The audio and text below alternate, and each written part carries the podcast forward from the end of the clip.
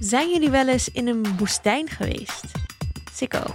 Jawel, maar niet langer dan een dagje. Maar ik ben in Californië wel bijvoorbeeld in de Mojave Desert en zo geweest. En in uh, Joshua Tree heb ik ook wel eens overnacht. Het is wel een uh, aparte ervaring. In een tent? Ja, dat het ook uh, echt heel koud wordt. Dat je s ochtends een scheetje moet laten om weer even lekker op te warmen. Was ook je hele tent dan zo onder het zand? Of? Nee, zo erg was het niet. En jij dan wel? Ik heb wel eens in een zandbak gezeten. Het is ook wel eens heel heet geweest. Maar als ik er een metafoor voor zou mogen bedenken, dan zou ik zeggen dat de eerste 21 lange jaren van maagdelijkheid in mijn leven als een woestijn hebben gevoeld. Wauw. Zo, zo, zo. Wauw, ja. Mm, We gaan nou, hier maar eens over. zo, zo heb ik hem niet geïnterpreteerd. Eh, eh, en ik ben nog nooit in een eh, woestijn geweest. Ik wil wel al sinds ik klein was een keer naar Egypte. Omdat ik dat gewoon daar allemaal beelden van heb. Dat dat heel erg mooi is. En eh, De mummie, heeft de mummie gekeken. Dus, eh, dat was het, ja. Nee, die waanzinnig op de weetboekjes. Zo gaat dat met jonge nerdjes. Ehm, dus eh, daar, dat, dat staat wel hoog op de lijst. Dat. Dit is de Vierkante Ogen Show, de popcultuurpodcast van dag en nacht. En vandaag praten we over June. We reizen naar de duinplaneet Arrakis. Een moeilijk leefbare, maar o zo lucratieve planeet waar je het waardevolle spice kunt oogsten. De planeet was in handen van de Harkonnen, maar de macht wordt nu door de keizer overgedragen aan het huis Atreides. Voor de oorspronkelijke bewoners, de Fremen, maakt het weinig uit. De ene onderdrukker wordt verruild voor de ander. Wij volgen Paul Atreides, de troonopvolger. Een puber die s'nachts droomt van de duinplaneet en de Fremen. En deze dromen blijken visioenen van de toekomst. Want Paul en zijn familie komen op Arrakis in een politiek wespennest terecht. En de chaos die volgt leidt hem ver de duinen in. En let op, we gaan in deze aflevering spoilers bespreken van de film June. de duin in. Ja. En jullie hoorden het al, Annaluna is er vandaag helaas niet bij, maar we hebben wel een extra gast aan tafel.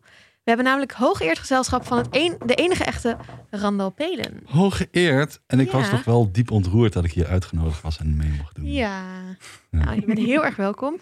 Eh, iedereen kent jou eh, misschien al van eh podcast Met Nerds om tafel. Zeker een luistertips. Gaat het ook vaak over nou, een beetje de sci-fi-achtige werelden. En Eh, regelmatig met jou erin, Esther. Mag ook gezegd. Precies. Ja. Ik, eh, ik zit ook vaak aan tafel. Dus eh, nou ja, meteen een goede luistertip voor onze luisteraars die het nog niet kennen. Niet bang zijn, Sikko. Dus geen hostile takeover. Ja, Nee. ga vooral verder met tweeën. hey, en, en eh, eh, nou, welkom. Dank je. Je mag meteen het spits afbijten. Eh, wat, wat was jouw eerste, wat is je eerste reactie op de film? Nou, hij is natuurlijk gewoon fantastisch. Ja, nee. Nou ja, laten we daar eventjes bij stilstaan. Dus, einde podcast. Eh, nee, kijk, in de eerste plaats vind ik June gewoon een instituut. Kijk, ik heb nooit een boek gelezen van June. En ik hou ook niet echt van lezen. Maar ik heb altijd van June afgeweten. Ik heb de games gespeeld. Ik ken een beetje van de lore. En als, als je me vraagt wat is Spice, weet ik gewoon. Weet je het is net als dat je so long for and thanks for all the fish. Dan weet je wat het is. En je weet wat het getal 42 betekent. Ehm, Allemaal Dus, popcultuurverwijzingen. ja, ja, dus- Ik hoop dat luisteraars nu denk, niet denken, ik weet het allemaal niet. Z- Zowel dan zijn er Maar in een bepaalde nerdcultuur Ja, misschien. is en het- ik denk dat het dus ook een kwestie van tijd was tot ik het een keer tot me moest nemen. Dus ik denk, nu die film uit is, ja, dan moet ik wel. Dus een soort calling, dit had zo moeten zijn. En ehm, ik was al zo fanatiek dat ik dacht, ja shit, ik kan niemand vinden om ermee naartoe te gaan. Want hè, we hadden voor de covid, ging ik regelmatig naar de film. En na de covid woonden al mijn vrienden opeens niet meer zeg maar op fietsafstand. waardoor ik heel veel moeite heb om vriendjes in de bioscoop te vinden. Help. En eh, ik ben dus helemaal in mijn eentje gegaan. En dat is eigenlijk niks voor mij. En in je eentje naar die bioscoop. Het voelt een beetje treurig of zo. En ik vond deze film dat wel waard eigenlijk. Ja, Worth it. ja. Maar je eentje die popcorn leeg te zitten kanen. hij was maar half leeg trouwens. Dus, eh, Sikko, wat, wat was jouw eh, eerste reactie? Ik was in de bioscoop zonder popcorn. Dat, eh, Wow. dat is toch denk ik een slechte keus geweest. Want ik kreeg wel honger halverwege de film. Het duurde naar echt lang, meer of... My god, wat duurde deze film lang. Dit is, eh, Dit is, eh, ik denk dat het ook wel een soort interessante herhaling van zetten is uit het verleden. Want de, de, de June van David Lynch kwam echt vrij vlak op Star Wars destijds. Van nou, dit kunnen we ook. Hè? Mhm. We kunnen nog zo'n soort prachtverhaal uitvergroten en, eh, en neerzetten. Wat ik heel leuk vond aan The Force Awakens, 2015 spreken we dan, was dat het alles wat, wat Star Wars, zeg maar, in, als je terugkeek, een beetje houterig maakte. Gewoon helemaal prachtig, mooi en fantastisch geanceneerd maakte. En dat, hè, dat het, als je de oude June hiermee vergelijkt, heb je dat ook. Het is zo'n overweldigende film dit. Hmm. Als je dat op een groot scherm met tering veel lawaai naar zit te kijken, dan je bent wel daar. Ja, Ja. Je, je bent echt op die planeet. En dat, dat vond ik heel overweldigend en ook heel vet. Ehm, maar het heeft ook een beetje het zeven van The Force Awakens bijvoorbeeld. Volgens mij werd er in 2017, 16 al gesproken ook over deze verfilming. eh, dat dit er moest komen. En het is, het is volgens mij gewoon een hele safe bet om dit in de markt te zetten. Je zegt gewoon, ja, dit is een hele generatie, eh, vooral mannen, die dit allemaal natuurlijk gaan kijken. Eindelijk een film hierover die gelukt is. Daar ga je heen. En dat was deze film gewoon precies. Met de goede producer, met de goede eh, filmcrew, met de juiste muziek eronder van Hans Zimmer. Het was een safe bet, gewoon een, het was gewoon heel goed uitgevoerd. ja, maar ik vind een safe bet, dat is, dat is niet... eh, ik bedoel, je kan, je kan het ook maken en het heel erg verkloten. Oh ja, nee, dat, Dus het, is niet, het is geen safe Nee. want het is een mega project. nee oké, zo op die Mega manier. ingewikkeld ja, verhaal. Ja, Dus het, tuurlijk is het, eh, er gaan vast veel mensen heen alleen maar om het te zien. Maar dat het dan ook lukt. In ieder geval, ik, ik was echt best wel blown away. Ik vond het echt fantastisch. En dan eh, eh, mede omdat ik wist dat het zo'n megaproject was. En ik heb ook die film van Lynch gezien. En dus dat is een film die in de jaren tachtig is gemaakt over een- het boek. Want uit- oorspronkelijk, voor de mensen die dat niet weten, is, is Dune een boek geschreven in de jaren 60 volgens mij. 65 uitgekomen. Ja. Door Frank Herbert. En ehm, eh, een heel, heel dik boek met allemaal verschillende delen. Ja, het is gewoon heel moeilijk om, om, dat, om die visie die hij had te vertalen naar een groot scherm. En dat Ja. ja. die film de jaren tachtig is nou, echt vooral heel raar. En ook heel onduidelijk. Is dat zo? Want er is natuurlijk al zoveel voorgeschiedenis in games, in fanfictie, in, in eh, zelfs eh, prentenboeken die erover zijn gemaakt, die allemaal tot canon behoren in feite. En je kunt dus heel mooi shoppen bij wat werkt wel, wat werkt Ja. niet. Je hebt eigenlijk gewoon, ja, het wordt je in de schoot geworpen. Ja, dat is waar. Maar Toch safe bet. ja, Nee, nee, maar je- ik, ja, ik Nee, nee, ik, wil er wel wat van terugnemen, Esther. Eh is niet bang, want het, je moet, het moet wel lukken, natuurlijk. Ja, En, en, eh, en daarin de juiste keuzes maken. Dus eh, die, die schilden op een bepaalde manier uitdenken. En ook dat, er is een woord voor wielding of zo. Dat dat, dat, dat dat gevecht wat ze moeten doen. En daar de juiste vorm voor vinden. Eh, de, de- ik vond die grasshopper vliegtuigen. super vet hoor. Motherfucking shit zeg. Libelles waren het. Ja? Libelles, ja, waarom bestaan die krengen gewoon? Zo niet? Ik Echt wil zo'n zo ding. cool. Ik vond hem echt fantastisch. Ja, maar ook de kleuren waren vet, de muziek, de kleding. En eh, eh, ik, wa- ik had toch verwacht dat het een te groot eh, iets zou zijn. Dus ik was daardoor ook positief verrast. Kijk, met Star Wars denk je ook elke keer als er een film uitkomt... ben je toch bang dat het weer... nou ja, en, en vaak gebeurt het... toch niet zo vet is. Of dat er toch een beetje makkelijke keuzes zijn gemaakt. En nou, ik, ik, persoonlijk dacht ik... done, eh, Denis Villeneuve. We hebben al een paar dingen besproken, maar eigenlijk... eh, we hebben dus eh, een boek, er is een andere film, er is ook een, een, een, een game, noemden jullie al even. Misschien leuk om het heel even te hebben over hoe we zelf als eerste in aanraking zijn gekomen met, eh, met June. Dus hoe, hoe fan was je al? Of hoe, ja, hoe- en hoe heeft dat, dat je kijkplezier beïnvloed? Voor zover je dat nog niet hebt genoemd. Ja, de game. Dat Games, hè? Meervoud. Ja, ja, maar June 2000 of zo? Ja, dat is wel de June. Dat is mij. wel de June. En dat is eigenlijk ook. De, volgens mij is dat dezelfde soort engine die daaronder zit als Command Conquer. Als ik niet Red Alert. Red Alert, precies ja, precies, ja. Maar dat hebben wij, ja, als, als, als dat zou ik 12 zijn geweest of zo, echt eh, helemaal, helemaal, helemaal blauw gespeeld, eh, dat spel. Nou, Esther vroeg, hoe heeft dat je beïnvloed? En dat is wel bizar, want ik heb dat spel ook gespeeld, maar het was voor mij gewoon Red Alert, maar dan in een ander universum. Dus een leuke game, zeker weten, maar eh, ja, toch wat andere dingetjes, zoals die zandwormen die opeens komen. Nou, oké, dat was dus geen verrassing voor mij in die film. maar in die games zit een extra house. Dan heb je Harkonnen, Atreides en ook Ordos. Maar House Ordos zit niet in de boeken, Oh, is niet in de, eh, in de film. Het is eigenlijk op internet bijna niet te vinden op een obscure eh, eh, wiki, fanwiki. Junepedia-achtige Ja. site na. Eh, dus ik heb het wel kunnen vinden, maar eh, daarom was ik in de war. Ik heb de hele film zitten wachten. Waar blijft dat derde huis? Grappig. serieus rare ervaring. Ja. Ja. Om erachter te komen dat het speciaal voor die game gemaakt is en Ja. dus niet echt was. Nee, en, en bij mij kwam dan op een gegeven moment gewoon een vader van een vriendje langs. En die zei, ja, maar daar is allemaal, zijn allemaal boeken van, hè? En toen ging jij de boeken lezen, of niet? Nou, ja, daar heb ik wel echt een, een flinke poging toe gedaan. Maar ik ben eerlijk gezegd, volgens mij in dat eerste boek op de helft of zo, dat, Mhm. ik, dat ik dacht, nou, ik, ik zie het wel als de film uitkomt. Ja, ik ben ook begonnen, ook omdat ik best wel sci- veel sci-fi lees. En eh, me werd aangeraden, nou, dit is echt, je houdt van Game of Thrones, eh, je, houdt, oh, je houdt van sci-fi, dan moet je dit lezen. Ja.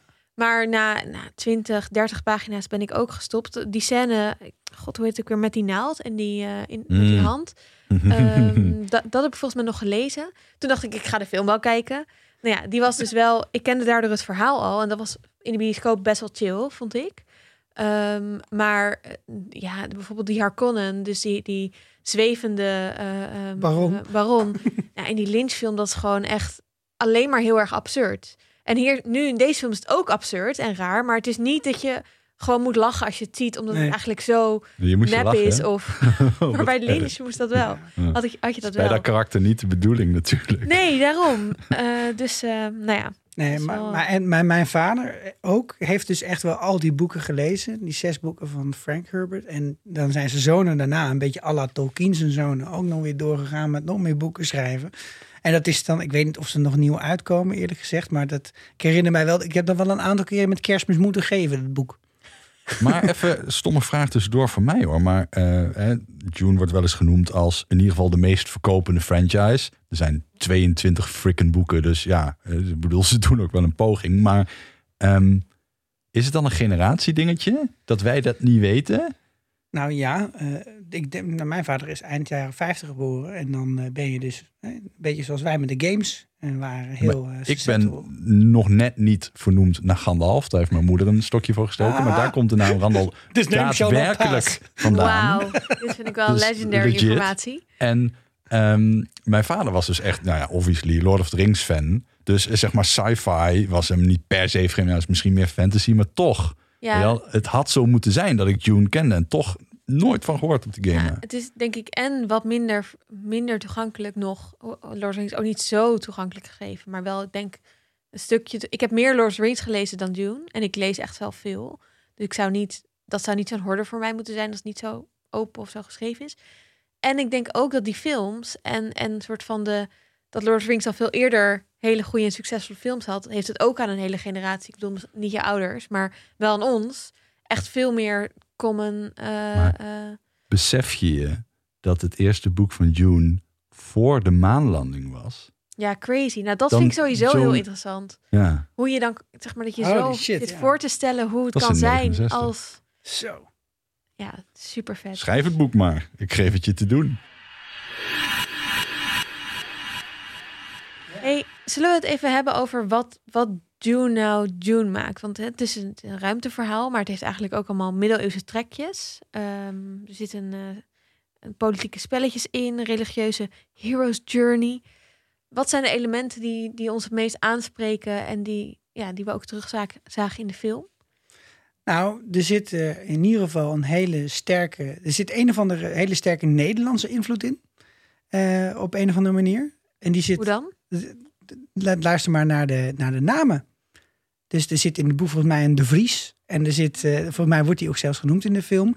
Eh, ja. De mensen, eh, zeg maar, de, de aboriginals van deze planeet, eigenlijk de oorspronkelijke bewoners, die, die heten dan Fremen, als je, dat uits, als je het spelt, is het F-E- F-R-E of zoiets. Maar ik dacht heel lang ook dat dat gewoon vrijmannen Ja. waren. Wat eigenlijk weer heel erg lijkt te verwijzen naar een soort een, eh, Er is, ja. een soort eh, geschiedenis van Nederland en Zuid-Afrika. hè. Daar heb je ook de voortrekkers en de vrijmens en de vrijstaat en dat soort dingen. Dus er zitten veel verwijzingen daar naartoe, ook in het verhaal. En veel verwijzingen ook naar, eh, eh, naar het Midden-Oosten. En, eh, en, en de, de kolonialistische rol van het Westen heel lang. En nog Mhm. steeds. We zijn Ja. toevallig nu dan met z'n allen weer weg uit een land. Maar eh, van we komen er naartoe om shit te halen. En over een paar jaar komen er weer andere mensen naartoe om shit te halen. En de, de, het woord wat niet genoemd wordt in deze film, maar wat wel in de boeken zit, is dat de, de oorlog waar het dan om draait voor de Fremen om hun planeet eigenlijk weer terug te krijgen, dat wordt ook de jihad genoemd. En dat, eh, dat heeft, dat heeft vrij veel islamitische invloeden, dit verhaal ook. Dus die twee dingen maken voor mij wel, naast heel veel andere dingen, June June. Mhm. En dat zie dat wat natuurlijk ook wel heel veel nagedaan is in andere films en andere boeken. Maar dat is wel een specifieke connotatie. Ja, het is eigenlijk ook letterlijk het eh, voor een bepaalde grondstof, spice in dit geval, gewoon het koloniseren van Ja. de planeet. En het maakt niet uit wat de mensen daar, die Precies. daar al, al tijden wonen. eh, Nee, ja. en, en de Nederlanders, bedoel, in het, in het Engels heet wat wij deden in, eh, in de Oost, was de, de spice trade. Ja, nou, letterlijk. Gewoon, ja. vrij. eh I thought it was kind of on the nose eh, zelfs. Maar eh, dus in die zin is het wel een. eh, misschien. Ik weet niet, ik, ik ben geen cultuurfilosoof en zo. Maar dat het ook wel een kritiek is daarop. ja, Nou ja, dat is natuurlijk evident. Ik bedoel, die- je, je krijgt wel sympathie voor die Fremen door de, door de strot gedouwd bijna. Zeker gezien de reis daar allemaal naartoe leidt.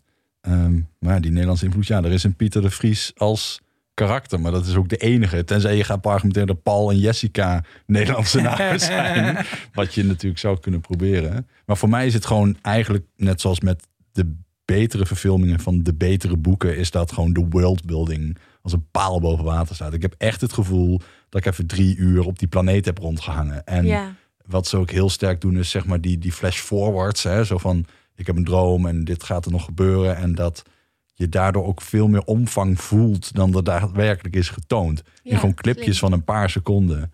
En ik heb nu dus ook echt het gevoel van, dit gaat ergens naartoe. En ik heb dus ook zitten zoeken van, in hoeverre is al beloofd dat er nog een film komt. En ik kan gewoon kapot pissig worden ja dat, deze niet al, dat ze niet al aan het filmen zijn. Dat Ja. ik denk, jongens, er gaat maar één acteur dood. Dit heb ik verdiend. Sterker nog, er zijn zes boeken geschreven door de originele schrijver. Ik heb recht op twaalf films. Dikke. Eens, ja. nou, het zit er wel in hoor, denk ik. Eh, eh, volgens mij is het best wel een succes. En eh, die Villeneuve heeft al gezegd... ik ben klaar om in 2022 nog te gaan filmen. Mhm. En die moment, zodra ik een go krijg, gaan we door. Ja, Dat is, je denkt het ook een beetje af door part one in de credits te zetten. Ja, precies. ik vond het heel... eh, ik, dat politieke vind ik heel... Zelf sowieso heel leuk om naar te kijken en interessant. Dat is natuurlijk ook wat Game of Thrones zo fantastisch maakt. Maar voelde ook wel heel erg... Ja, ik, ik, weet niet in hoeverre ik June ken... maar het voelt voor mij wel ook heel essentieel onderdeel van... Ja, dat verhaal in die wereld. Dus al die verschillende facties en ook mensen die zelf... eh, waarvan je denkt, oh, ze behoren tot dit huis. Dus ze doen ze reageren op een bepaalde manier, maar dan ondertussen zijn ze dubbelspion. Of Mhm. dat vond ik er echt super vet aan. En ook heel. ehm, ik denk dat dit verhaal, omdat het dus zo oud is, ook de, de basis heeft gevormd voor. Of nou ja, ik weet, dat heeft volgens mij George R. R. wel eens gezegd, dat dat ook zijn. Het schrijven van Game of Thrones heeft beïnvloed. Mhm. Wat natuurlijk ook gaat over allemaal verschillende huizen die allemaal macht Ja. willen uitoefenen over de meest.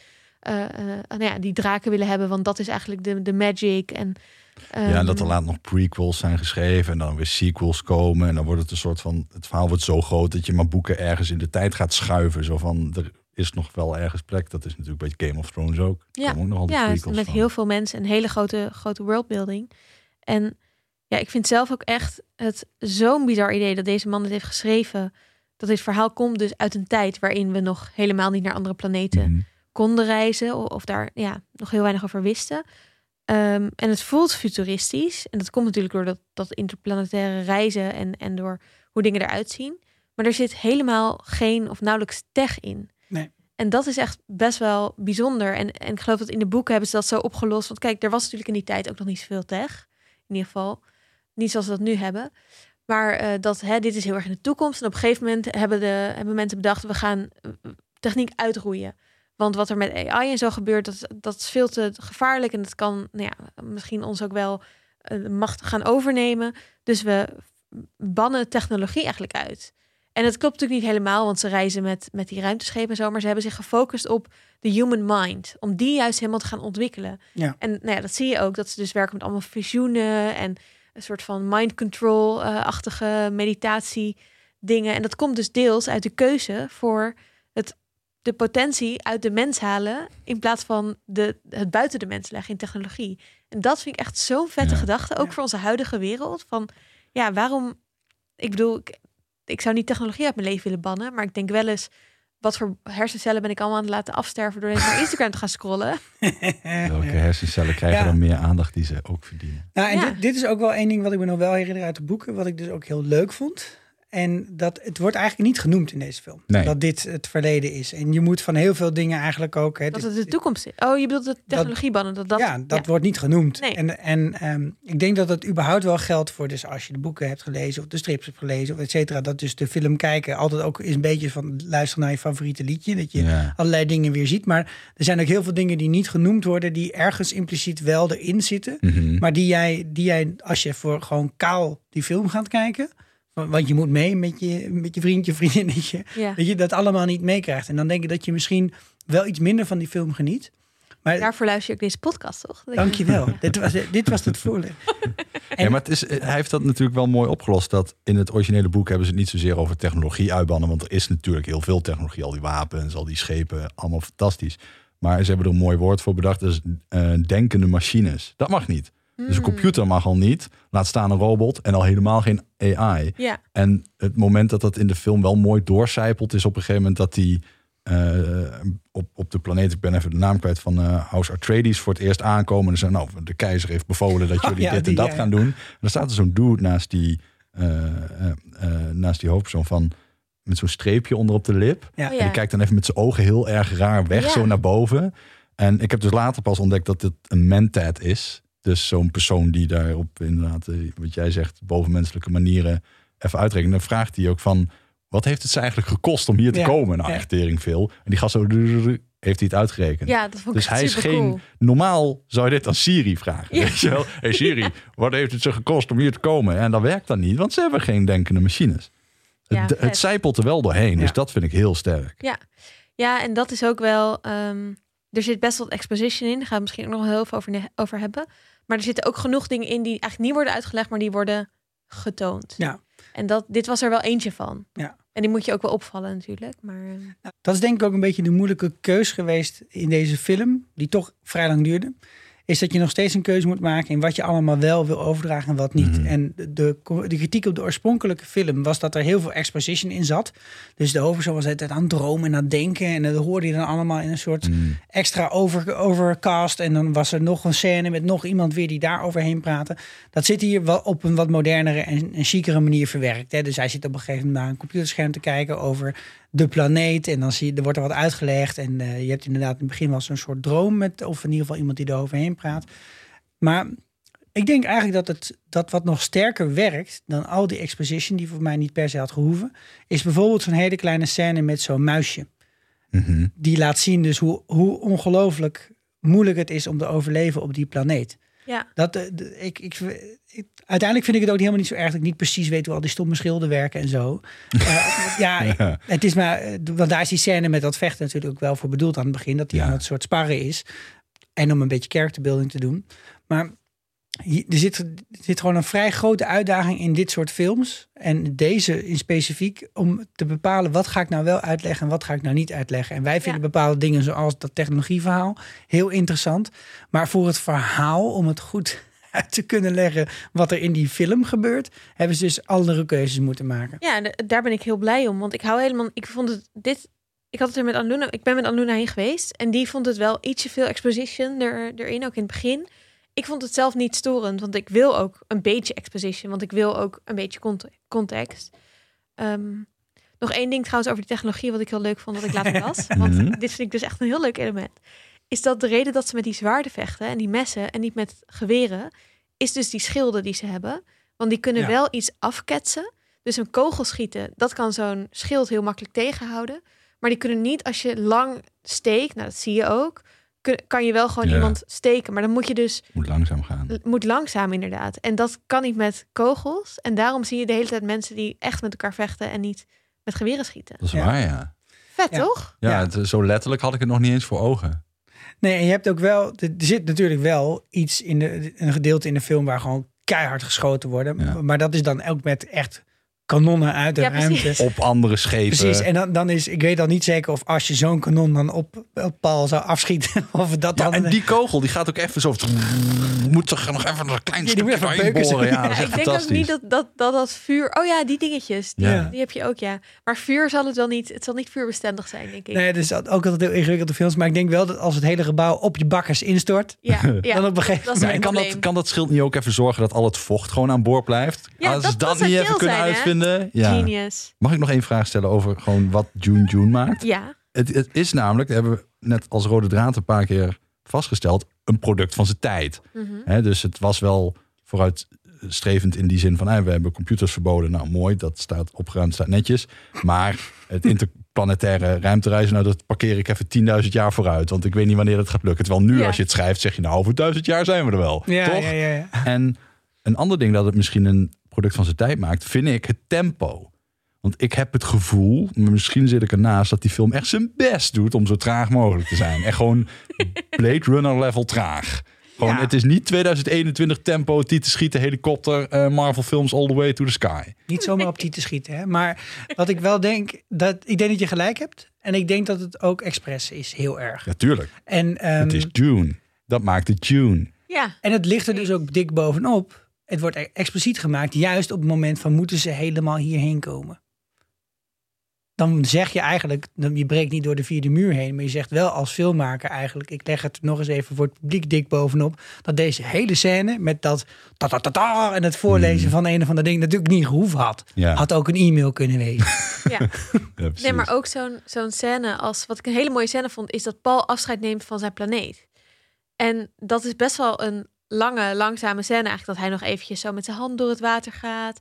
En dan nog even zo bij die steentjes gaat kijken en door Ja. het gras loopt. Dat is waar. Maar dat was wel, vond ik, een hele mooie overgang naar... Je weet namelijk van het begin dat je naar die duinplaneet gaat. Dus ook wij nemen eigenlijk afscheid van de bomen en het, de zee. Dag! Ja, maar wij kunnen het ook af als de film begint op die planeet. Had gekund. Ja, nee, maar je hebt gelijk. Zeg maar, het is een heel bewuste keuze Ja. om het zo lang, zo traag te doen als dat boek ook gaat. Want jongens, dat boek staat dus in mijn kast ongelezen, maar het neemt ongeveer de plek in van vier andere boeken.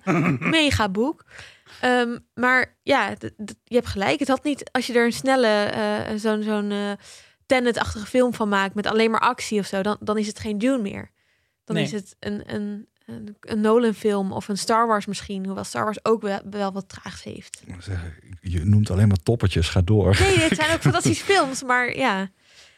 Mm, nee, ik denk dus dat je gelijk hebt. Dat wil ik zeggen. Ja, nou en het zet dus alles op voor nog een film. Ja, Ja. maar nu- ook zodanig dat ik gefrustreerd die bioscoop uitkom. Nou ja, was kijk, echt gewoon... More. ik was naar de, de, uitze- ik was naar de, te- de voorstelling, noem je dat? Ik ben het helemaal vergeten. Nou, ja, corona. De voorstelling van 9 uur. En met een vriendin van mij. En die, die, die, die deed op een gegeven moment zo om kwart over elf een beetje zo'n stom borretje in mijn zij. Van, is dan een keer klaar dan? Mhm. En Oh, ik toen- moest zo naar haar. En toen dacht ik wel op dat moment, hoe ga je dit dan afbreien in een verhaal dan? En toen, Ja. toen dacht ik terug naar het begin van die film, part one. Dacht ik, ja, nee, natuurlijk gaat dit verhaal niet af, af zijn. Maar het is En- wel grappig dat je dat blijft benadrukken. Want het is mij niet eens opgevallen Echt dat er niet? part 1 stond. Nee, ik zal schil en debiel zijn geweest. Nee, het staat er. maar het, Oh, heb ja. ik, het is me niet opgevallen. Ik wist het ook al voor ik ging. Dus ik zat ook op een gegeven moment de hele tijd... Oké, ze gaan nu die zandstorm in. Is dit het einde? Oh, ze hebben nu de Fremen gevonden. Is dit het einde? Oh, ze gaan nog een gevecht doen. Oké, ik had toch een half uur geleden naar de wc moeten Maar gaan. sorry, even domme vraag. Je weet, er zijn apps die kun je laten timen wanneer je naar de wc moet in een film. Als het echt moet, Ja, maar toch? nee, ja, maar dat dus ik dat zat in die bioscoop. Wow, wow, wow, Dus ik kom in die bioscoop en ik download die app. En ik download zo de meest recente films, want dat moet je offline hebben, want je wil niet in de bioscoop alles moeten. En toen was June die ene film die er nog niet in stond, was nog te nieuw. Maar ik wist dus al hoe lang duurt die. Ik zat ook op mijn horloge van, nou, het tempo is niet zo nodig. Hij, heeft, hij is net neergestort, dus dan gaan oké. Ik hoefde gelukkig niet. Ja, maar ik weet wel hoe lang het duurt. Maar als ik in die film, echt in die film zit, ga ik. Ik heb geen horloge. Oké, dat helpt ook niet. Maar niet de hele tijd kijken van, is het al die tijd? Maar dat had ik wel moeten doen. Oké, het is mijn eigen schuld. hey, even een, eh, een kort rondje. Favoriete personages, want er zijn er nogal veel langsgekomen. Ja, maar dat is er toch maar één. Ik kan niet voorstellen dat niet iedereen ditzelfde antwoord geeft. dat is Baron Vladimir Harkonnen. is gewoon een smerige, vieze, op alle manieren gluiperige, nare vent. En ik had echt tien seconden nodig om daar eh Stellan Stadskaart in te herkennen. Ik ook. maar ik had hem wel. Even, alleen ik ben slecht met namen. Dus ik heb nu ook een spiekbriefje, Ja, zoals men goed. doet. Ja. En ik vond het gewoon een fantastisch karakter, omdat het gewoon in alles klopt. Deze rol moet er zijn. Hij is exact zeven seconden in beeld, de hele film. voor mijn gevoel. Echt niet veel. In ieder geval, alles draait om Paul. Maar gewoon hoe smerig en naar en gemeen die vent is. En dat zou ik zeggen van... eh, er is eigenlijk helemaal geen spoilerhorn geweest. We hebben alleen nog maar zitten spoilen trouwens. Maar goed, dus dat hij zegt van... ehm, ja, mag, eh, ik heb je geholpen. Mag dan nu mijn vrouw vrij? En ik zat daar in de bioscoop. Dude, wat denk je zelf? Heb je hem gezien? dit, dit, nou, ik weet niet, zo mooi vertolkt. ja, dit was echt goed. Ik had het echt met het herkenningspunt helemaal andersom. Dus het- dit, dat is de eerste scène dat, dat je hem ziet, is bijna een beetje een Darth Vader-achtige Ja. scène. In Ja. zo'n soort bol met licht van binnen. En, hè? en ik Hmm. zag gewoon dat profiel en dacht, oh, dat is hij. Niet. Oh, Direct? Nee, nee, want hij heeft zo'n vetsuit aan. Ja, maar ik, ik, had vond- het echt pas de derde keer of zo dat hij in beeld kwam. Ik dacht, is dat niet, Ja. is dat niet die acteur? ik wil alleen maar zeggen, sometimes the fat suits.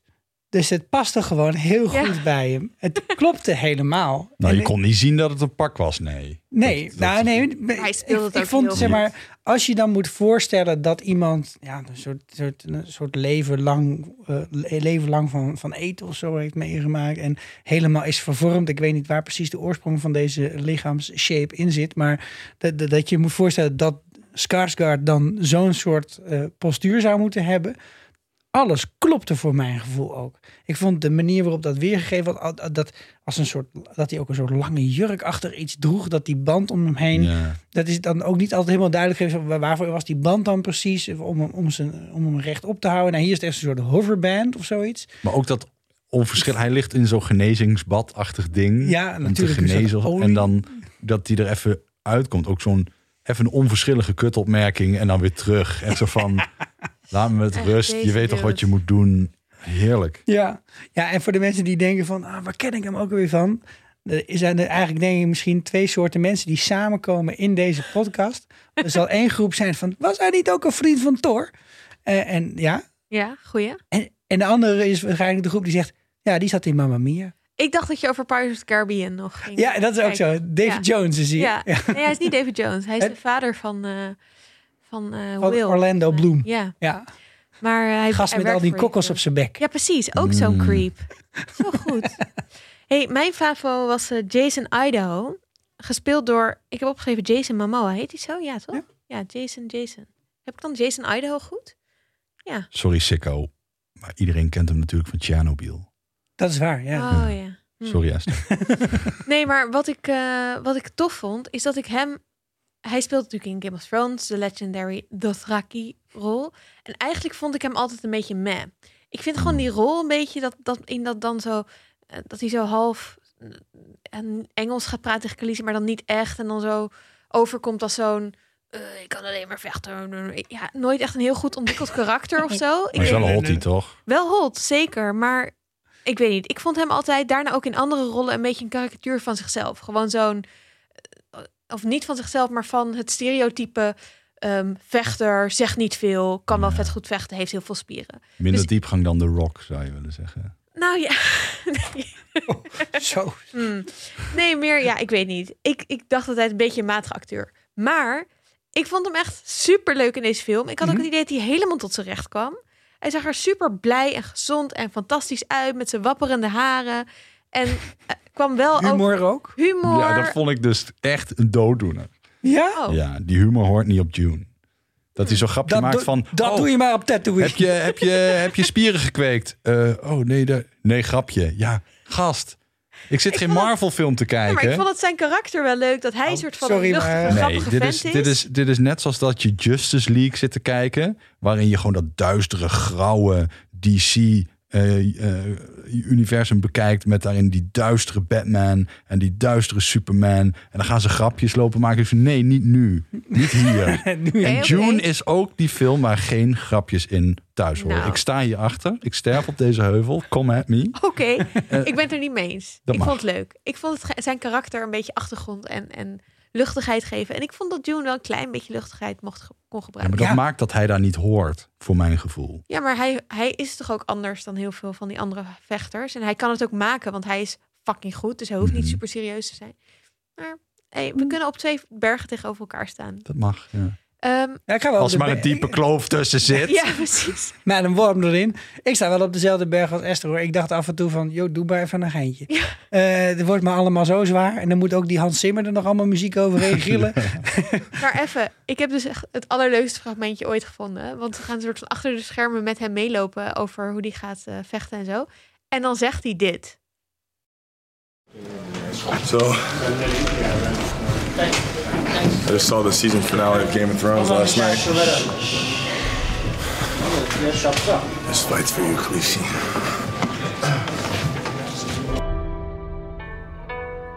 Nou, dit vond ik dus helemaal geweldig. En hij heeft dus nu ook zijn rol als, als de Dothraki voor mij meer, meer lager, lager gegeven. Dus eh, helemaal goed gedaan. Maar sorry, het ging over Aquaman, toch? Dit stuk. Zeker. Ja, oké. Ook over Aquaman, ja.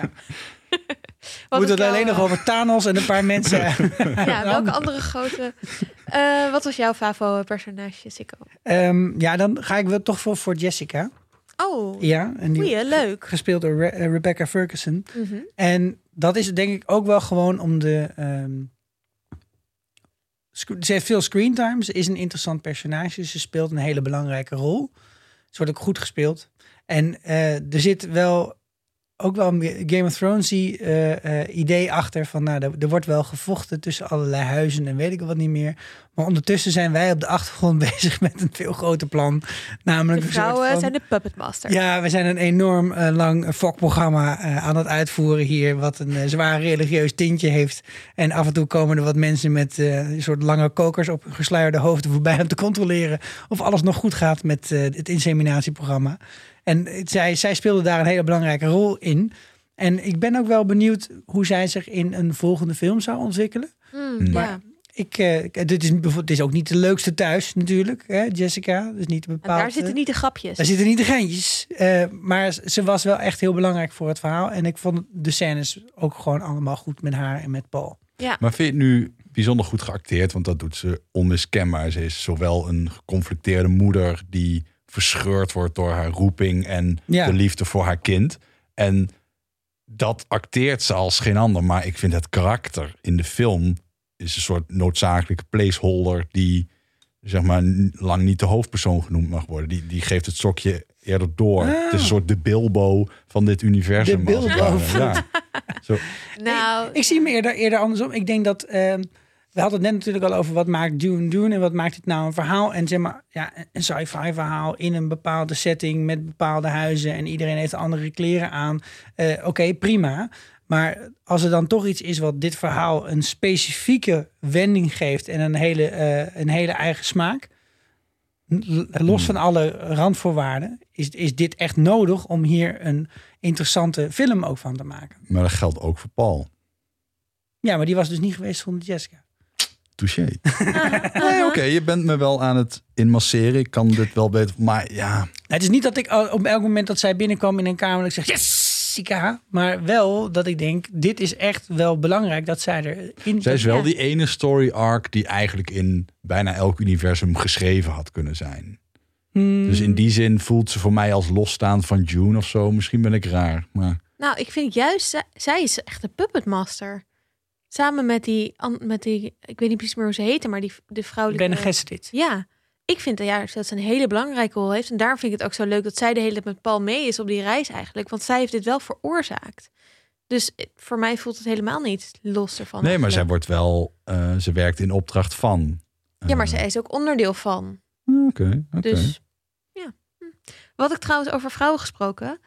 Eh, in de, ik kwam er pas achter toen ik een cast interview zag met. met eh, kijk, je gaat een podcast voorbereiden en er komen al die leuke feitjes op. Heb je soms. Heb je soms. ehm, dat Villeneuve vond dat de cast veel te weinig vrouwen bevatte. Want het- dat is ook het. Nou ja, gewoon zoals het geschreven is. Nou ja, Product van zijn tijd. Precies, laten we dat dan maar daarop eh, brengen. Ehm, dus hij heeft de rol van Dr. Lead Kynes eh, eh, uiteindelijk aan een vrouw gegeven, aan Sharon Duncan Brewster. En dat is die ehm, soort van eh, transitiepersoon van, die Fremen is. eh, en die de transitie van de Harkonnen naar de Atreides moet... eh, Oh ja, ja. ja, en die op het eind dus ook heel erg belangrijk is. Meegaat in de vluchten. in de libellen. Ja, super vette rol. Vond ik ook een heel, heel leuk personage. Of heel interessant in ieder geval. Dat je ook denkt van, huh, maar waar, wat is nou de goal van deze, dit personage? Ehm, maar een hele goede keus, denk ik. Om daar een vrouw Ja, van te het maken. is me namelijk niet opgevallen. Nou, there you go. Ja. het is niet dat je dacht, nou, en nu ik erbij nadenk, dacht hij, nou laten we er dan gelijk een zwarte vrouw van maken. Helemaal top. Nog meer props. Ja, Ja. dus dat eh goede keuze van Villeneuve. En ook dat hij dus niet... Ik bedoel, het is best een purist, denk ik, qua dat er superveel van het boek in de film zit, zit volgens mij. Mhm. Maar dat hij er dan wel durft om dit soort keuzes te maken. Vind ik vet. Ja, Oké. De film eh, eh, draait meer om meer dan alleen eh, de personages. En het verhaal, waar we het ook al een beetje over hebben gehad. Eh, het is namelijk ook een soort visueel mega spektakel. Wat, wat tot ons komt. Meesterwerkje. In, in mijn geval Ja, IMAX. Meesterwerkje. Fucking awesome. Wat was er allemaal vet? En misschien ook wat, wat was er niet zo vet. Maar vooral, wat, wat vonden we leuk? Nou ja, kijk, vooropgesteld dat ik natuurlijk niet de popcultuur connoisseur ben die jullie eigenlijk wel eh, zijn geworden. Neem even een slokje. Ehm, Ja. zat ik er echt, maar ook echt middenin. Die hele bioscoop zit lang. Ja. Dat is vaak een goed teken. En ik heb ook niet het gevoel dat ik iets heb gemist. Ik heb niet het gevoel dat ik iets ben vergeten. Het tempo is eigenlijk wel weer een keer lekker. Weet je wel, ik hield wel van dat Blade Runner tempo. Ja, even voor de goede orde. Dus dat is zeker geen dis. Ehm, maar ehm, Maakt het ook een film die je nog een keer gaat kijken? Het zal denk ik wel moeten, gezien mijn vriendin hem nog niet heeft gezien en die houdt van het genre. Dus ze was niet mee omdat het vanwege de kinderen niet kon. Maar ehm, ja, gewoon het is zo goed uitgewerkt en er zat zoveel lore achter. Er is zoveel waar ze uit kunnen putten. Dat eh, voor mij, als je het met één woord moet omschrijven, wat is deze film? Dus voor mij worldbuilding. Ja. Gewoon Ja. dat, dat hele universum is af. Ja. Alle puntjes staan op de i. Er zijn geen vraagtekens meer. Op het moment dat ze een scène moeten schieten, ze denken, "Oh, wat voor een kleur pakje heeft hij? Weten we allemaal. Ja. En dat is uitstekend. Uitstekend uit, zo uitstekend zelfs, dat ze het nodig achten om al die flash forwards, zeg maar, bijna zo goed te produceren als, als, als een hele blockbuster serie tegenwoordig aan budget heeft. Dus eh, er zijn flash forwards waarvan ik denk, er zij- zit zoveel werk in dat dat kost eh, ongeveer 100 miljoen per, per seconde om te schieten. Eh, Ja. Nou, en, en zeg maar, met dat thema en die, eh, die worldbuilding en het tempo, alles bij elkaar, doet het me toch in die zin wel een denken aan de Fellowship of the Ring. Mhm. Wat, wat mijn favoriete deel van de trilogie is. Omdat het helemaal niet zo'n hele snelle film is. En dat er Nee. heel erg de tijd wordt genomen om te zeggen... Oh, trouwens, je hebt hobbits. Nou, gaan we even over hobbits praten. hmm. En misschien komt het ook omdat ik elk jaar op 1 januari dan een trilogie kijk... en dat de eerste film degene is die ik dan wel altijd af kan kijken. Nerd. maar de, ik, ik denk ook dat dat oprecht mijn favoriete deel is, omdat het dus deze aspect heeft die Ja. jij beschrijft voor deze film ook. Dus ik denk dat ik deze film doen ook vaker ga kijken. Ja, ik ook. Gewoon Zeker, omdat, ja. omdat je weet welke, you know what you sign on voor. Dit is de sfeer waar ik vanavond in ga zitten. Maar even twee dingen die, die voor mij het, eh, dit ook maken. Want ik ben het helemaal met je eens. Eén is de muziek. Ja. Eh, is natuurlijk ook Hans Zimmerman. Nou, noem een grote film. eh, met fantastische muziek. Eh, en de kans is ongeveer 80% dat eh Hansi de, de maker was van de muziek. De Protect him at all costs. Pirates of the Caribbean bijvoorbeeld. Ja, inderdaad. Eh, wel een leuk feitje is dat hij ook gevraagd was door Christopher Nolan. Want hij is eigenlijk de huismuzikant van Nolan films. Of hij voor Tenet de muziek wilde maken. Maar toen was hij ook al gevraagd voor Dune. En toen zei hij, nope, ik ga Echt? Dune. Oh, Ja. dat is Vet, een hè? fun fact. Ja. Ik vind niet dat Tenet eronder geleden heeft. Nee, vind ik ook niet. Maar het is toch bijzonder dat je weet van... oké, steady, het wordt een Nolan film, Ja. dus sowieso een succes. En dan de toch een beetje risico van een Dune film... die, nou ja, het kan ook, Ja. nou, waar we het over hebben gehad. Ja, Rande, Ik kijk maar zie aan, het dit gewoon niet niet zo. met eens. is gewoon surefire. Dat is hoe ze tegenwoordig films maken. Ze denken gewoon, ja, hoe neem ik zo min mogelijk risico? En noem eens een fantastische franchise. Laten we letterlijk de best verkochte ik- ik ben- sci-fi ja, franchise maar uit de kast maybe. pakken. Wat nou risico? Maar goed, waarom wilde Timmerman het doen? Ook omdat hij Zimmer. Mega... Zimmer, toch? Timmer, sorry, Timmer. Ja. De, de Timmerman. Ik weet niet hoe dit... Ja, Frans Hans Timmer, Timmermans. sorry. Ja. Waarom wilde Timmer het doen? Omdat hij mega Dune-fan is. Ja, Echt Mm. al zijn hele leven. En dacht, nou, dit, hier moet ik bij zijn. ja. Eh, dus dat is wel, eh, vond ik een heel leuk feitje. En wat ik dus heel cool vond, is dat, dat was al tijdens het kijken voordat ik iets wist over wie ook weer ook de muziek maakte, dat, dat het een soort zang is. Dus dat je allemaal steeds stemmen hoort die een soort instrument zijn. Dat vond ik zo vet. Dat gaf zo'n soms eerie gevoel en soms juist heel erg opzwepend. Super knap. Is het jullie in de bioscoop echt al opgevallen? Zat je echt Ja. naar die muziek te luisteren? Ja, Ja. dat echt. is dus, da- daarom ben ik dus nog niet level up op jullie niveau. Want het, ik heb die muziek dus gewoon oprecht niet doorgehad.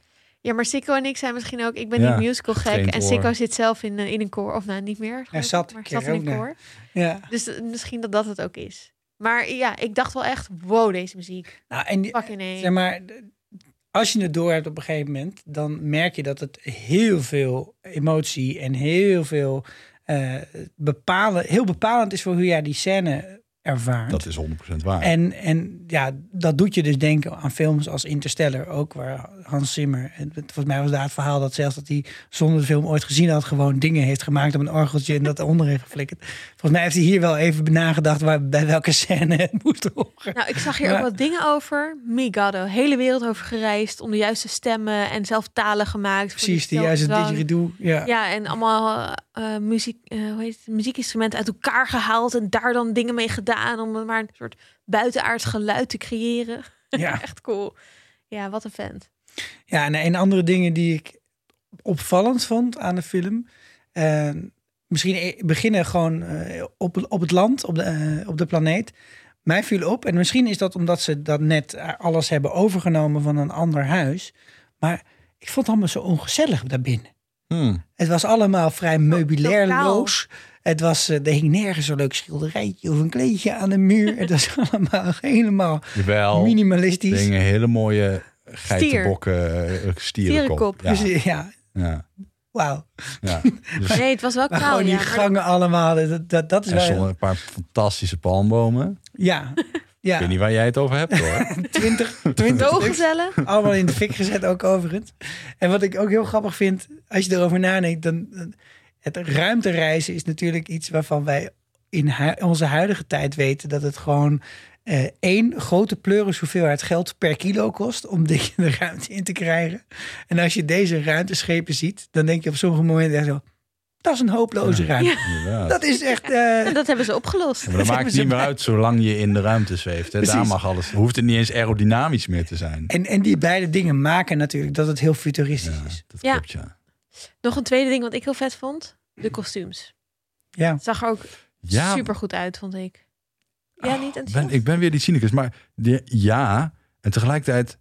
Weet je, daarvan heb ik zoiets van... Dat was nou dat stuk worldbuilding dat al bestond. En dit, had, dit kon je alleen maar verkloten of zo. Ik had zoiets toen ik die pakken zag. Ja, natuurlijk zijn dat de pakken. De, dat moet Ja, toch maar wel. dat vind ik juist heel ja, cool. dat is, dat is echt knap. Dat je, ja, precies. Dat je zeg maar wat Ja. is opgeschreven. Ik heb natuurlijk het boek niet gelezen, maar ik heb wel gezien dat het lijkt op de beschrijvingen van. Ja, Dat je dat zo op beeld brengt. En ik vond het ook hier weer. Kijk, ik heb dus die Lynch-film gezien en daarin is het echt over de top. Daar Ja. zien ze er gewoon allemaal echt een beetje belachelijk uit. Ik bedoel, het is ook een kunstige film. I love Lynch, weet je, Twin Peaks, amazing. maar Hij was zelf niet blij met die film. Hè? Nee, nee, hij zegt zelf ook niet heel nooit meer worden. gekeken. Nee. Ehm, maar eh, eh, dat is in deze film, het is niet clownesk. nee. Terwijl er wel gekke dingen in zitten. En je ziet ook van 100 meter afstand bij welk kamp iemand hoort. Dat is ook wel lekker. Ja. Ja, gewoon in de kleurtjes en zo. Ja, En dat als is je zo'n gek handig. klein snorkeltje in je neusgaten hebt, dan weet je gewoon... Waar is dat snorkeltje nou voor? Eh, om de lucht die je uitademt op te vangen, waardoor je net dat kleine beetje vocht nog terug kan winnen. Oké. Daar is hij voor. Ik dacht dat het een spice infuser was. Eh, dat Hmm. zou ook kunnen. Nee, volgens mij niet. Hmm. Voor- het doel wat jij nu noemt, lijkt het me Is ook het niet niet een een hele efficiënte. Spice zuiveraar. Dat je Hoezo niet efficiënt? spice in. Als jij daar in die woestijn Ja, woont, tranen, dan is elke worden zelfs microdruppel... ge- Ja, maar dan doe je toch een kapje op je neus, niet twee snupjes. Je zit in een film. Dit is bedacht door iemand die daar waarschijnlijk niet zoveel over na heeft gedacht. Nee, maar ik heb het wel toen ik een beetje aan het googelen was omtrent June, zie je het ook echt eh, sinds jaar en dag in, in afbeeldingen terug. Dit hoort er wel echt bij. Ja, En eh, dit was mijn interpretatie, maar om nou te zeggen dat ik dit gefactcheck heb, niet. Maar die spice zit al in deze mensen, want ze hebben die blauwe ogen. Oh ja. Dus het is niet zo dat die zijn als kind in de ketel met spice gevallen. ah. Ja. het is de Obelix. Nou, Ja. als iemand eh luistert, die, die luistert denkt... Ja, maar de, hier is het voor. Hallo. Randal lult uit zijn nek. Nee, Sikko heeft het goed. Nou, ga je naar vriendvandeshow.nl slash vierkante ogen. Dat is eigenlijk het platform van, eh, van onze show. Van Social Network. ons eigen social network. Daar kan je eh, onze afleveringen vinden. En je kan reageren op de afleveringen. Dat kan door een audio message, maar ook gewoon door, door iets te typen. Eh, en wij reageren daar dan weer op en kunnen het eventueel zelfs meenemen in de volgende aflevering. Dus corrigeer ons vooral. Eh, dat mag. Dat vinden we niet irritant. Eh, vinden we alleen maar leuk. Dan Of, leven eh, we voor mensen. Precies. En je kan ook vriend van de show worden. Dan ben je legendary, een vriend van de Vierkante Oog Show. eh, door eh, te doneren. En daar worden we super blij van. Dus eh, bedankt voor dit mooie bruggetje. Want dan kon ik het er even in gooien. Nu gaan we drugs kopen. Yay! Of was dit Nice, een drug? nice. Dat was geen, geen bruggetje daarvoor. Hoe denken jullie dat de toekomst eruit ziet van, eh, van deze film? Wil je een voorspelling of wil je een wens? Ehm, nou, misschien laten we dan... We hebben het er al een beetje over gehad. Laten we ervan uitgaan dat er een tweede film komt. Wat willen we dan dat er wel en niet in die film zit? Nou, in ieder geval, Waarvan de, meer? in ieder geval de minder? laatste helft van dat eerste boek, wat Ja. ik nu niet gelezen heb. Hoe En gaat het dus aflopen? Echt naar hunker. Ja. Ik ga in de tussentijd het boek ook helemaal niet lezen. Kom op met die film. Ja, ja, ja. Misschien ga ik het wel lezen hoor. In brede zin gewoon eh, nog elf films. Ga Ja, zo door. More. Een dikke voldoende. Ik heb meer nodig van dit in mijn leven om gelukkig te zijn. Same. Ja, eh, wat wil ik er nog meer of minder in? Eigenlijk wel een moeilijke vraag. Maar ik wil wel meer Zendaya. Zij speelt eh, Shanti. Ja. Eh, ik vond al die flashbacks al cool. Of nee, ik zeg flashbacks, maar ik bedoel eh, pre, pre, pre Flash forward. Flash forward. Jezus, sorry. Flashbacks. Die slaat mensen, die slaat. Lange dag. Ehm, ja, ik vond haar tof. Ik vind haar een toffe actrice. Eh, ik vind haar tof in Spider-Man en in eh, al die series. Dus eh, geef me meer van haar. Vind ik leuk. En ook van Javier Bardem. Want die heb ik nog niet genoemd. Maar die had ook een mooie rol. En daar wil ik ook meer van zien. Ja. Oké. Ik ga er een wat meer spicy Hey. mening in gooien. Lekker gedaan. Goed verfilmd. Ik denk dat de, de Dune-fans ook blij zijn met deze eerste part one. En nu denk ik, dat was eh, netjes binnen de, binnen, de, binnen de lijntjes gekleurd. En nou wil ik iets anders. Jij zegt Nee. go wilder. Ja. Ja, Nee. Ja. Nee, ik zei al, dit is een spicy mening. Ja. Kijk, eh, er is sinds de, sinds The Last Jedi een heleboel over gezegd. En er was een eerste, tweede en een derde en zevende golf met reacties.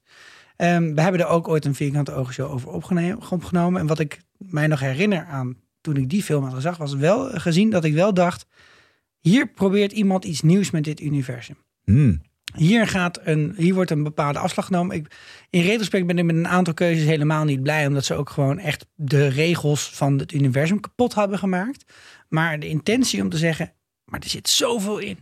En nou gaan we hè, iets proberen Mhm. om het, om het anders te maken. Ik vind namelijk dit verhaal, eerlijk gezegd, vrij klassiek.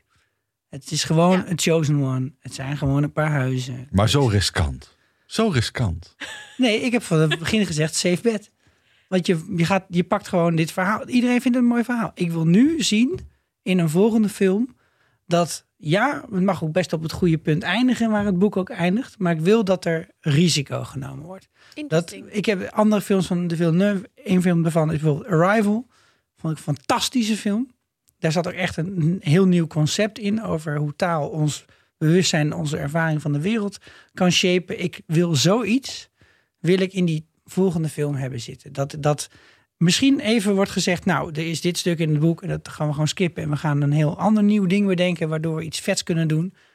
Laat zien wat je kan.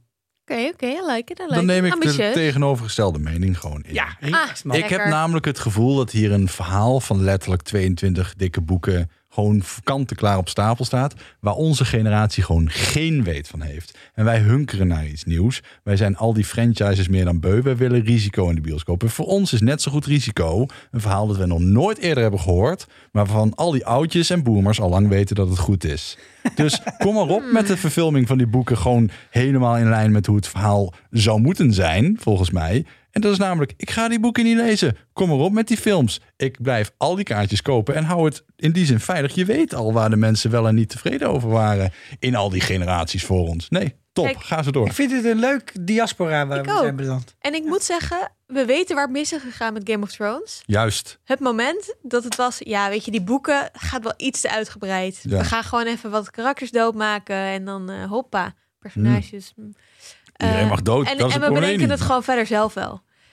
Dus ja, misschien. En wat deden ze doen? Ze vervielen in de oude verhalen van Hollywood. True, true. Oké, misschien is een combinatie mogelijk tussen deze twee. Nee, nee, nee. Het is Nee. onmogelijk. Oké, oké. Het is het een of het ander. Ik wil alles weer verbinden. hè. Ah. Nou, Dat hoeft niet. Laat is, de, laat de beste insteek winnen, maar we weten wel welke dat is, toch?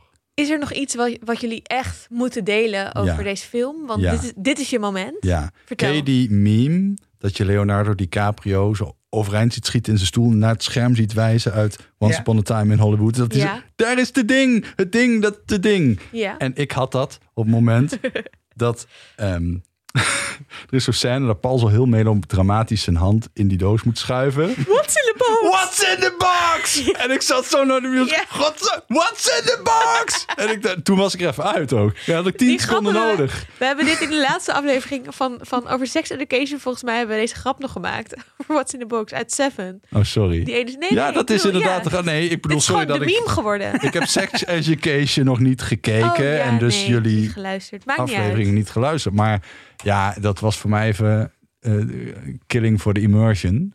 Ehm, het enige wat ik wel vond... En ik keken elkaar ook aan toen Ja. lachend in de disco.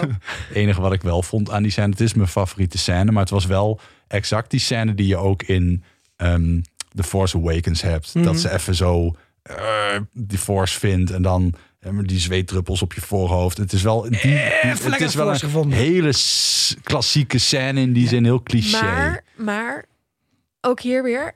Die scène was geschreven voor Star Wars bestond. Tuurlijk. En, Dus maar, het is allemaal en, en ook, gebaseerd en op ook dit. voor de Matrix, want Paul is eigenlijk gewoon de one soort Ja, van tuurlijk, achtige ja. story arc. En En Jezus. dat moet je wel steeds op terugpakken. Dat je denkt, oké, als dit een cliché is, dan is eigenlijk wat ik hiervoor heb gezien de cliché. Want dit Ja. is allemaal, ja. Gebaseerd hierop. Fair maar, enough. maar ik, ja. En ik had het dus ook met dat, met dat momentje. Wil jij nog iets eh, zeggen over Dune? Nee, ik wist- ik- volgens mij was dit vrij compleet vandaag. Ja, ik denk het ook. Ik, ik heb echt, eh, ik heb genoten van de film. En ik heb genoten van er met jullie over praten. Hm. Ik wil Ja. vooral weten wat we hierna gaan doen, Esther. Wat wij als de Vierkante Oogshow. Ja, Nou, wat, ik denk eh, veel van onze luisteraars ook. nou, er komt iets heel leuks aan. Namelijk eindelijk, na jaren wachten en uitstellen en zo, de nieuwe James Bond. James Bond. Mm. En ik geloof dat jij ook al wat aan het, eh, aan het kijken bent. Die oude films, dat is wel spul hoor. Had je niet, er is, waar is het ook weer? Tip dit even voor de Oh ja, maar dan moet ik zeggen RTL 007. Och, nee, Die doen is het zo gewoon, gebrand. Deze, deze avonden gewoon steeds die... Ja, die hebben volgens mij al die bandjes nog liggen of zo. Dus die, die, die trekken ze doorheen. Maar echt, ik, ja, ik was wat met, met Sean Connery, wat van die oude films aan het kijken. Dat ik echt... Nou, ik heb me nooit bes- gerealiseerd dat Austin Powers een spoof echt was van oude Bond-films. Want toen ik Austin Powers keek, was Pierce Brosnan Bond. En maakten ze het allemaal niet meer zo bond met, eh, met de evil people. Maar my Jesus, wat zijn die oude Bond-films slecht. Als je het hebt Heerlijk. over producten van hun tijd. Echt, Ja. heel Maar erg. goed, maar save het voor de aflevering. Save maar als je, als je eh, elke avond kan je, voor, kan je de komende tijd eh RTL 7 aanzetten en eh, in zo'n film vallen. Precies. En anders kijken we gewoon lekker eh, sex education. Precies. Eh, dank jullie wel eh, voor, voor deze aflevering. En, en dank jullie voor het luisteren. Want dit was de Vierkante Oogshow. Wil je laten weten wat je van de aflevering vond? Of heb je een fantastisch inzicht of idee of theorie of iets wat we niet hebben genoemd waarvan jij denkt, waarom heb je dit niet genoemd? Ga dan naar vriendvandeshow.nl slash vierkante ogen. Je kan er ook ons steunen met geld of met liefde. Of ehm, je liefde uiten in geld. Ook leuk. En je kan er al onze afleveringen vinden over, nou, bijvoorbeeld eh, eh, Sex Education hebben we net een hele reeks gemaakt. Elke aflevering van Sex Education hebben Elke. wij een aflevering over.